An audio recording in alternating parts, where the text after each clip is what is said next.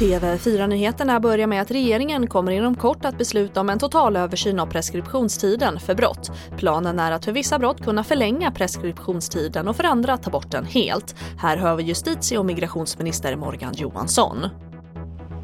Bakgrunden är ju den att man kan idag klara upp väldigt gamla brott. Eh, bland annat till följd av hur tekniken har utvecklats, inte minst DNA-tekniken. Och omkring 2700 dömda brottslingar går just nu fria i samhället i väntan på att få börja avtjäna sitt fängelsestraff, det visar statistik som SVT tittat på. Och antalet har ökat den senaste tiden eftersom anstalterna är överfulla.